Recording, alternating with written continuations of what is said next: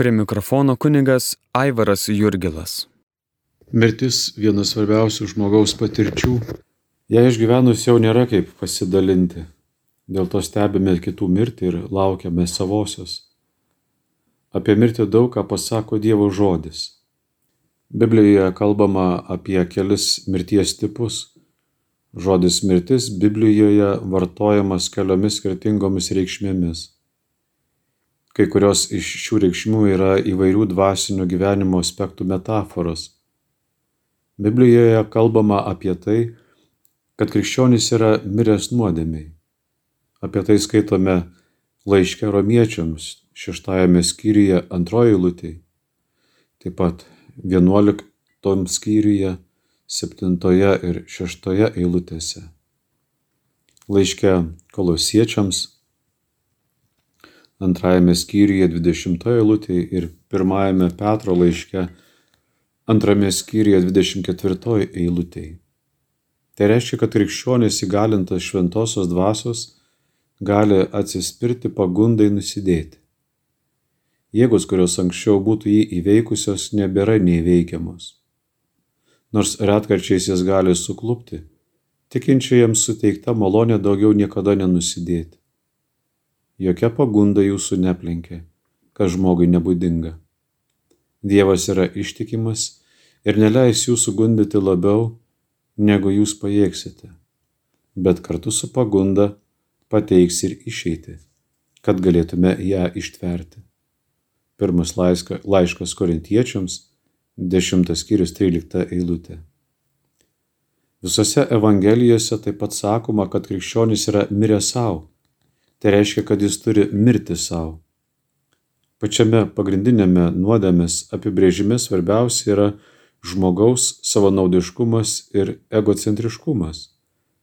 Todėl buvimas mirusių savo reiškia išlaisvinimą iš žmogui būdingo polinkio į savanaudiškumą. Tai sakinį miręs nuodėmiai lydinti metafora, turinti tą pačią pagrindinę prasme.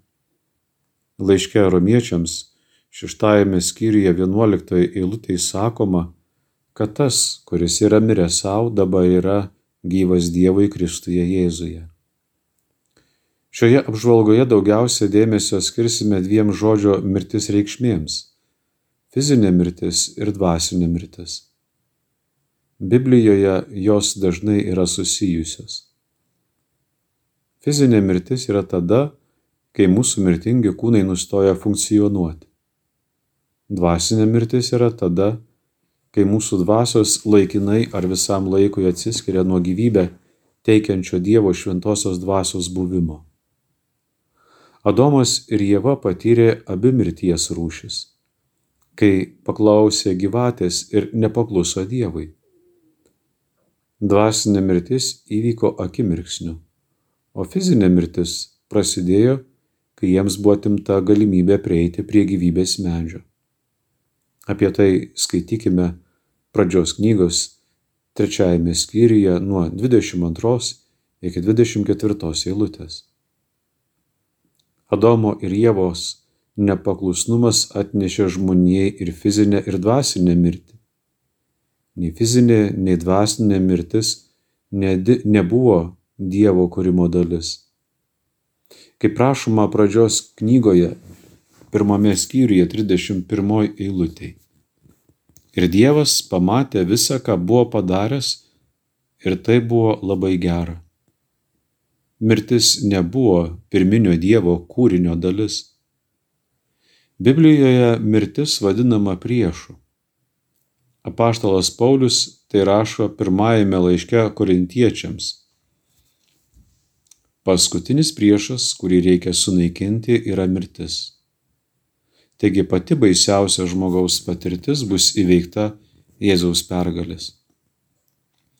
Iš Biblijos eilučių galima daryti prielaidą, kad jei Adomas ir Jėva nebūtų nusidėję, jie ir toliau būtų gyvenę žemėje amžinai. Apie tai randame pradžios knygos trečiajame skyriuje 22 eilutėje. Biblijos skyriai rodo, kad žmogui buvo numatyta palaikyti tokius santykius su Dievu, kurie padėtų žmogui niekada nemirti. Dievas pateikė žmogui pasirinkimą. Jis galėjo toliau pasitikėti Dievu arba nepaklusti Dievui. Pradžios knygos antrajame skyriuje 16-17 eilutėje rašoma Viešpats Dievas įsakė žmogui. Tu tikrai gali valgyti nuo visų sodo medžių, bet nuo gero ir pikto pažinimo medžio nevalgyk, nes tą dieną, kai nuo jo valgysi, tikrai mirsi. Kol Adomas ir Jėva buvo ištikimi Dievui, Dievas juos aprūpino gyvybės šaltiniu. Tačiau jie jam nepakluso. Tai yra nusidėjo, todėl jie buvo atskiriami nuo šio šaltinio. Adomo ir Jėvos nepaklusnumas atnešė žmonijai tiek fizinę, tiek dvasinę mirtį. Biblijoje sakoma, kad Adomo ir Jėvos nepaklusnumas dažnai vadinamas nuopoliu, paveikė kiekvieną žmogų. Apaštalas Paulius laiške romiečiams skelbia, todėl kaip per vieną žmogų į pasaulį atėjo nuodėmė, o per nuodėmę mirtis, taip ir mirtis išplito tarp visų žmonių, nes visi nusidėjo. Laiškas romiečiams, penktas skyrius, dvylikta eilutė. Pavojinga, klaidinga manyti, kad žmogus nepaveiktas nuopolio ir todėl yra be nuodėmės, nors šioje ištraukoje aiškiai sakoma, kad nuodėmės padariniai neplenkia ne vieno. Kiekvienas žmogus be Jėzaus yra dvasiškai miręs.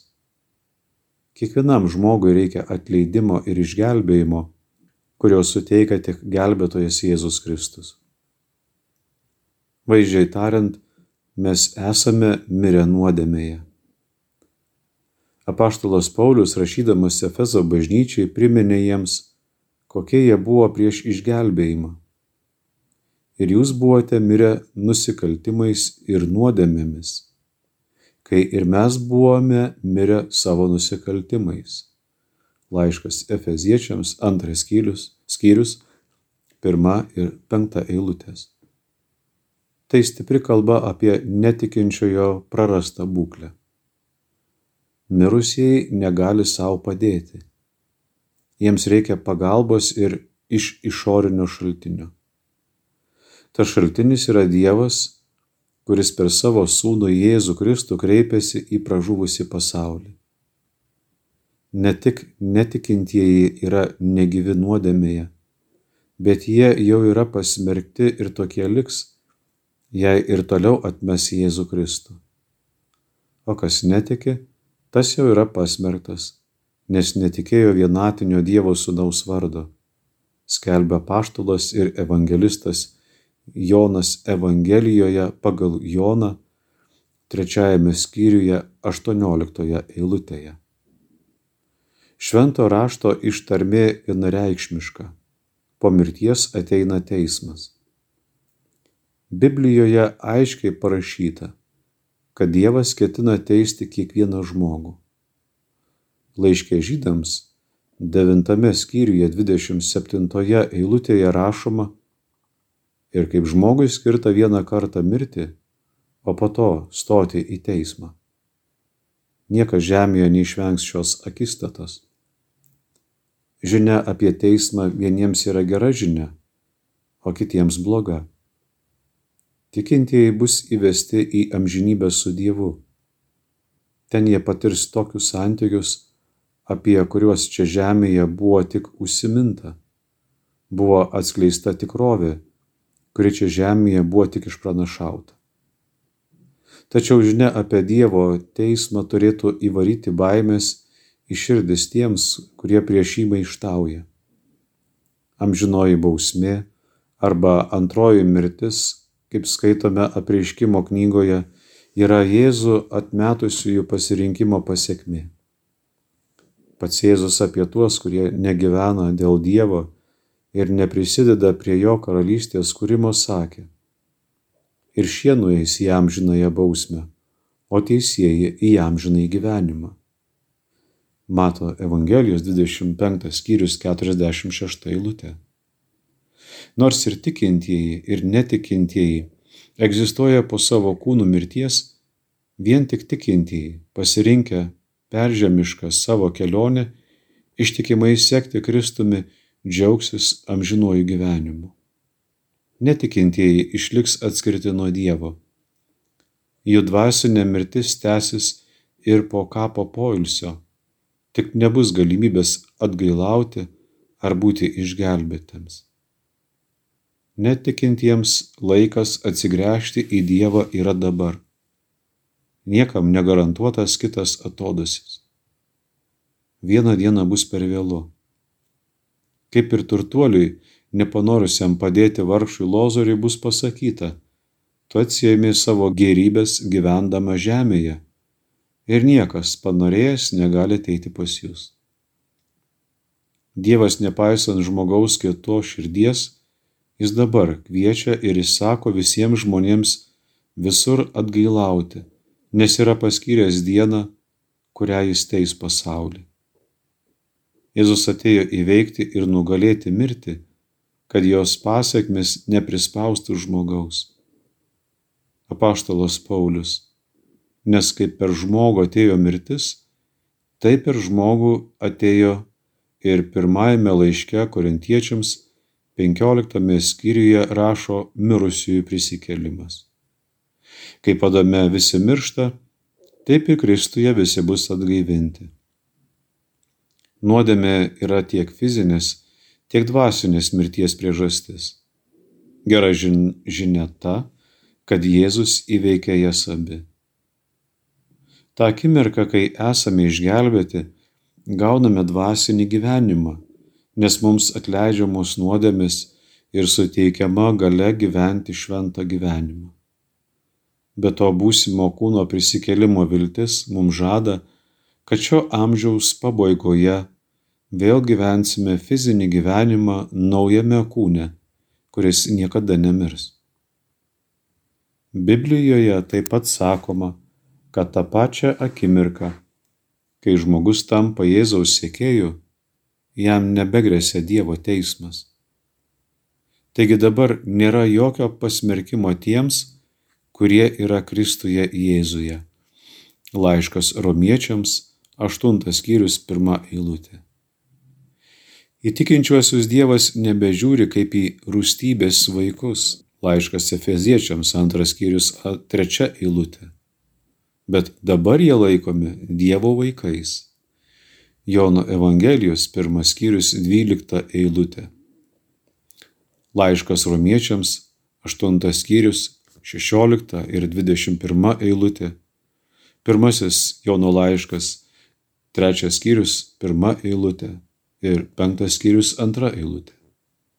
Užuot bijojęs Dievo teismo, tikintysis mėgaujasi labai artimu meilės kupinu asmeniniu santykiu su visatos kurėju iš kurio kyla visa meilė.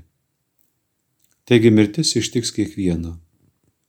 Tų, kurie lieka užkėtėję savo netikėjime, laukia teismas ir pasmerkimas. Tačiau krikščionių laukia visiškai kitoks likimas. Tikinčioje mirtis yra nuostabios naujos egzistencijos su Dievu pradžia. Mūsų mirtingų kūnų mirtis yra tik duris, pro kurias turime praeiti kad patektume į šią, į šią dangiškąją karalystę. Vieną dieną Jėzus sugrįž, sugrįž su ištikimaisiais, kurie jau prisijungia prie jo danguje dėl tikinčiųjų, kurie vis dar yra žemėje.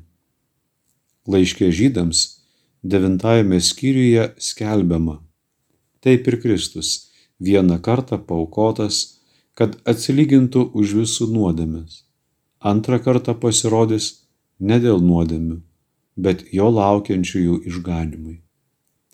Vadinasi, antrojo Kristaus ateimo laikų pabaigoje turime laukti.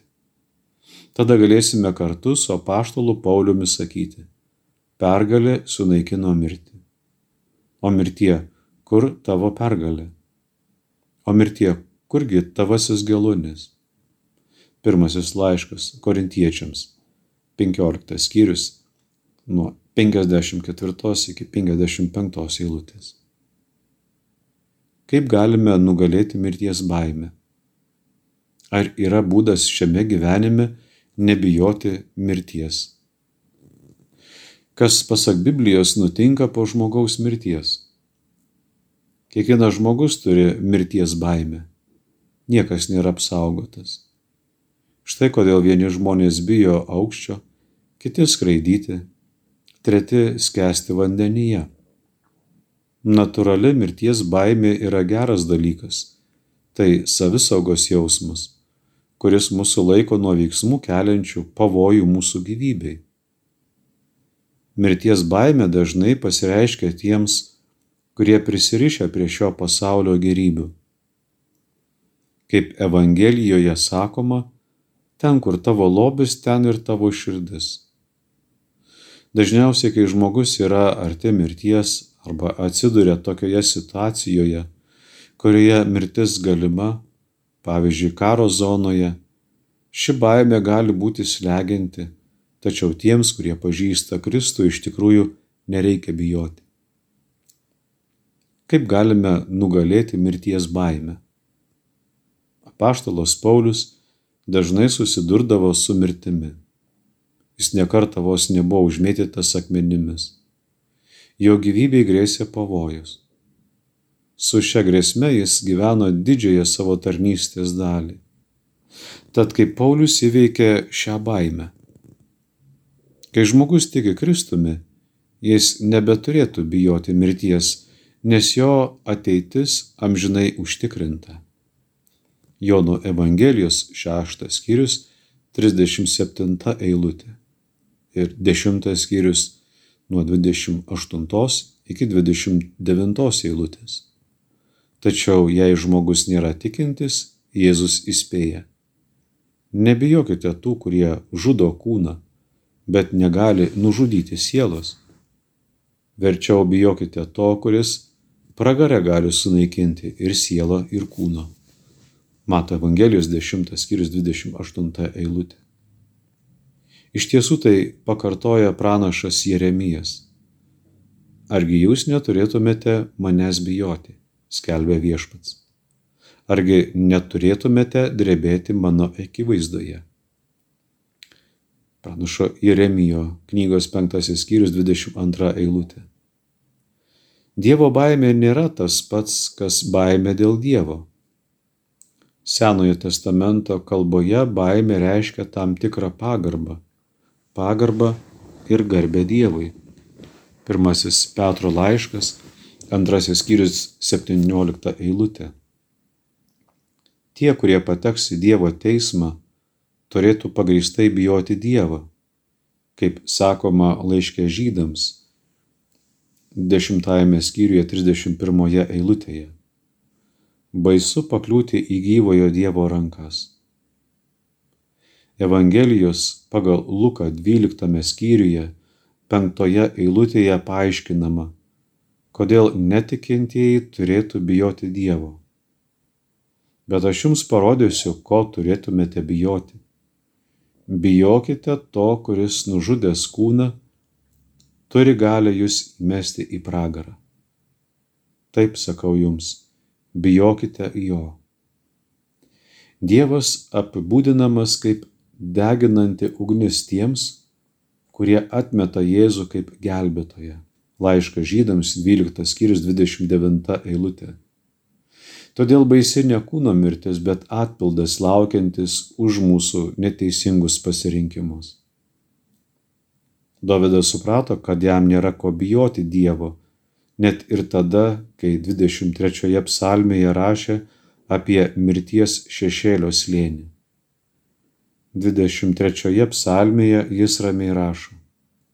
Net jei eisiu tamsiausių slėnių pažodžiui, mirties šešėlio slėnių, nebijosiu nieko blogo, nes tu esi su manimi. Pirmasis žydų karalius Saulis daugelį metų persekiojo Dovydą ir norėjo jį nužudyti.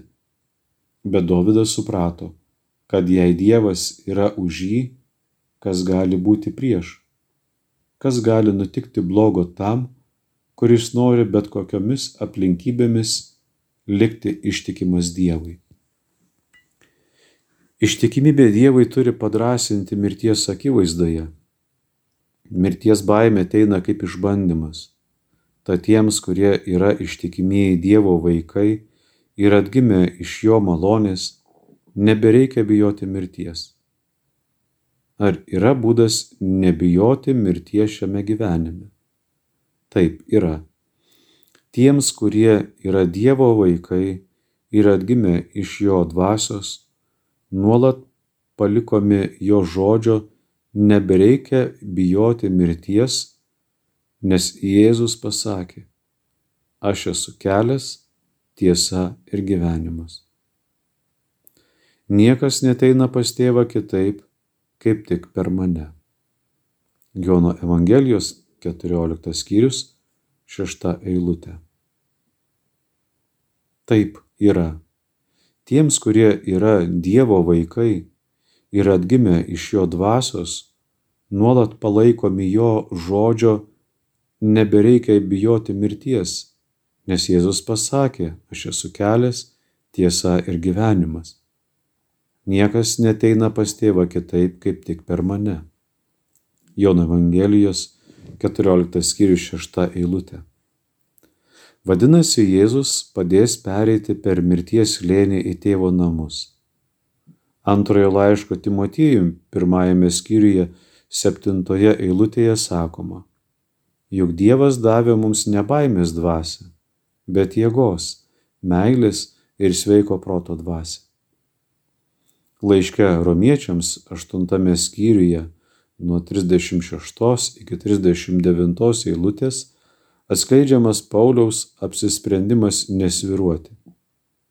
Nes esu įsitikinęs, kad nei mirtis, nei gyvenimas, nei angelai, nei demonai, nei dabartis, nei ateitis, nei jokios galios, nei aukštumos, nei gelmės, nei niekas kitas visoje kūrinyjoje negalės mūsų atskirti nuo Dievo meilės, kuri yra Kristuje Jėzuje, mūsų viešpatyje. Paulius buvo visiškai įsitikinęs, kad net mirtis negali jo atskirti nuo Dievo. Jis galėjo ramiai miegoti su mintimi, kad bet kada gali netekti gyvybės. Pauliui nebuvo jokios mirties baimės, nes jis suprato, kad nemir, net mirtis negali nutraukti jo ryšio su Jėzumi Kristumi. Net Senojo testamento pranašai suprato šį ramų, taikų nuraminimą. Izaijas rašo, tad nebijokite, nes aš esu su jumis. Nebijokite, nes aš esu jūsų Dievas. Aš tave sustiprinsiu ir tau padėsiu. Palaikysiu tave savo teisę dešinę pranašo Izaijo 41 skyrius 10 eilutė. Šią mintį patvirtina ir pirmasis Jono laiškas, kuriame sakome, sakoma, meilėje nėra baimės, bet tobula meilė išstumia baimę, nes baimė susijusi su bausme. Tas, kuris bijo, nėra tobulas meilėje. Dievo meilė savo vaikams ir jo vaikų meilė Dievui suteikia ramybės ir lengvumo jausmą, net ir pačiomis blogiausiomis aplinkybėmis. Kristaus sėkėjas renkasi atsiliepti savo mokytojui ir Dievui, tikėjimo praktiką ir artimo meilę. Juk Jėzaus tarnavimas beribis ir apima gyvybės paukojimą. Jėzaus mirtis ant kryžiaus už visą žmoniją yra iškeliausia jo meilės apraiška.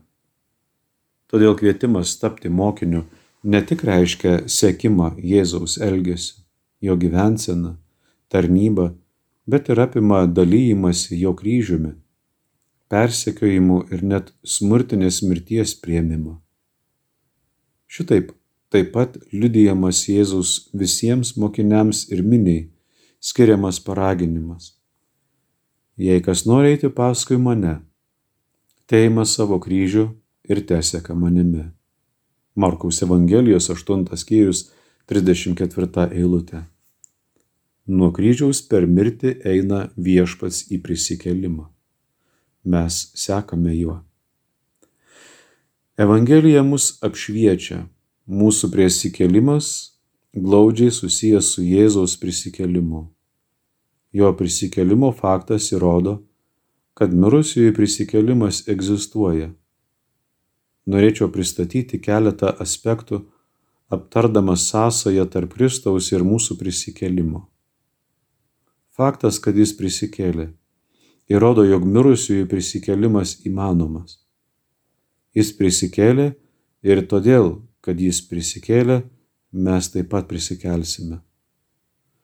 Visų pirma, pačiame šventajame rašte glūdi kelias link pilnutinio tikėjimo mirusiųjų prisikėlimu.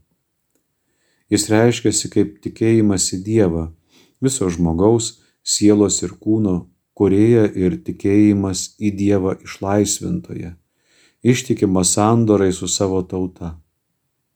Pranašas Ezekielis vizijoje regi iš naujo atsiveriančius tremtinių kapus ir sausus kaulus, atgyjančius dėl gaivinančios dvasios įkvėpimo. Tas regėjimas reiškia viltį dėl būsimojo prisikelimo. Tai yra nugalėtos ir pažemintos tautos atgimimo. Apie tai skaitome pranašo Ezekielio 37 skyriuje nuo pirmos iki keturioliktos eilutės. Naujajame testamente Jėzus įvykdo šį apreiškimą ir, susėdamas tikėjimą prisikelimu su savo asmeniu, sako, aš esu prisikelimas ir gyvenimas. Jono Evangelijos 11 skyrius 25 eilutė.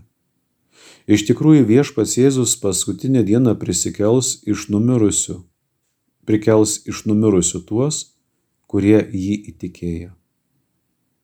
Mirties tamsybė turi būti pasitinkama dar intensyvesnė meilės pastanga. Biblinėje maldoje šaukiamės viešpatie apšviesk mano tamsybės. Viešpaties prisikelimo šviesoje, o jis nepleidžia ne vieno, kuriuos jam tėvas pavedė. Galime pasakyti apaštalo Pauliaus, išrauti mirties geluonį. Pirmas laiškas korintiečiams 15 skyrius 55 eilutė.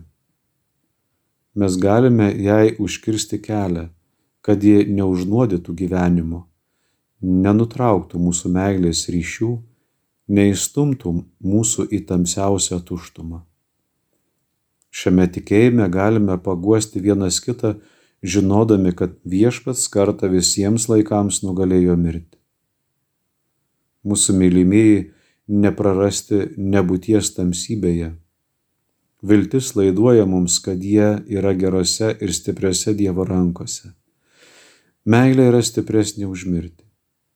Taigi turime eiti tuo keliu, ugdydami meilę, ją stiprindami ir meilė apsaugos mus iki tos dienos, kai bus nušluostyta kiekviena ašara, kai nebebus mirties, nebebus liūdėsio, nei aimanos, nei sielvarto.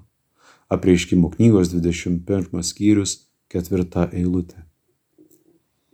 Jeigu leisimės palaikomi šio tikėjimo, gedėjimo patirtis gali net sustiprinti šeimos ryšius, naujai atverti kitų šeimų skausmui, kildinti naują brolystę su šeimomis, gimusiomis ir atgimusiomis viltimi.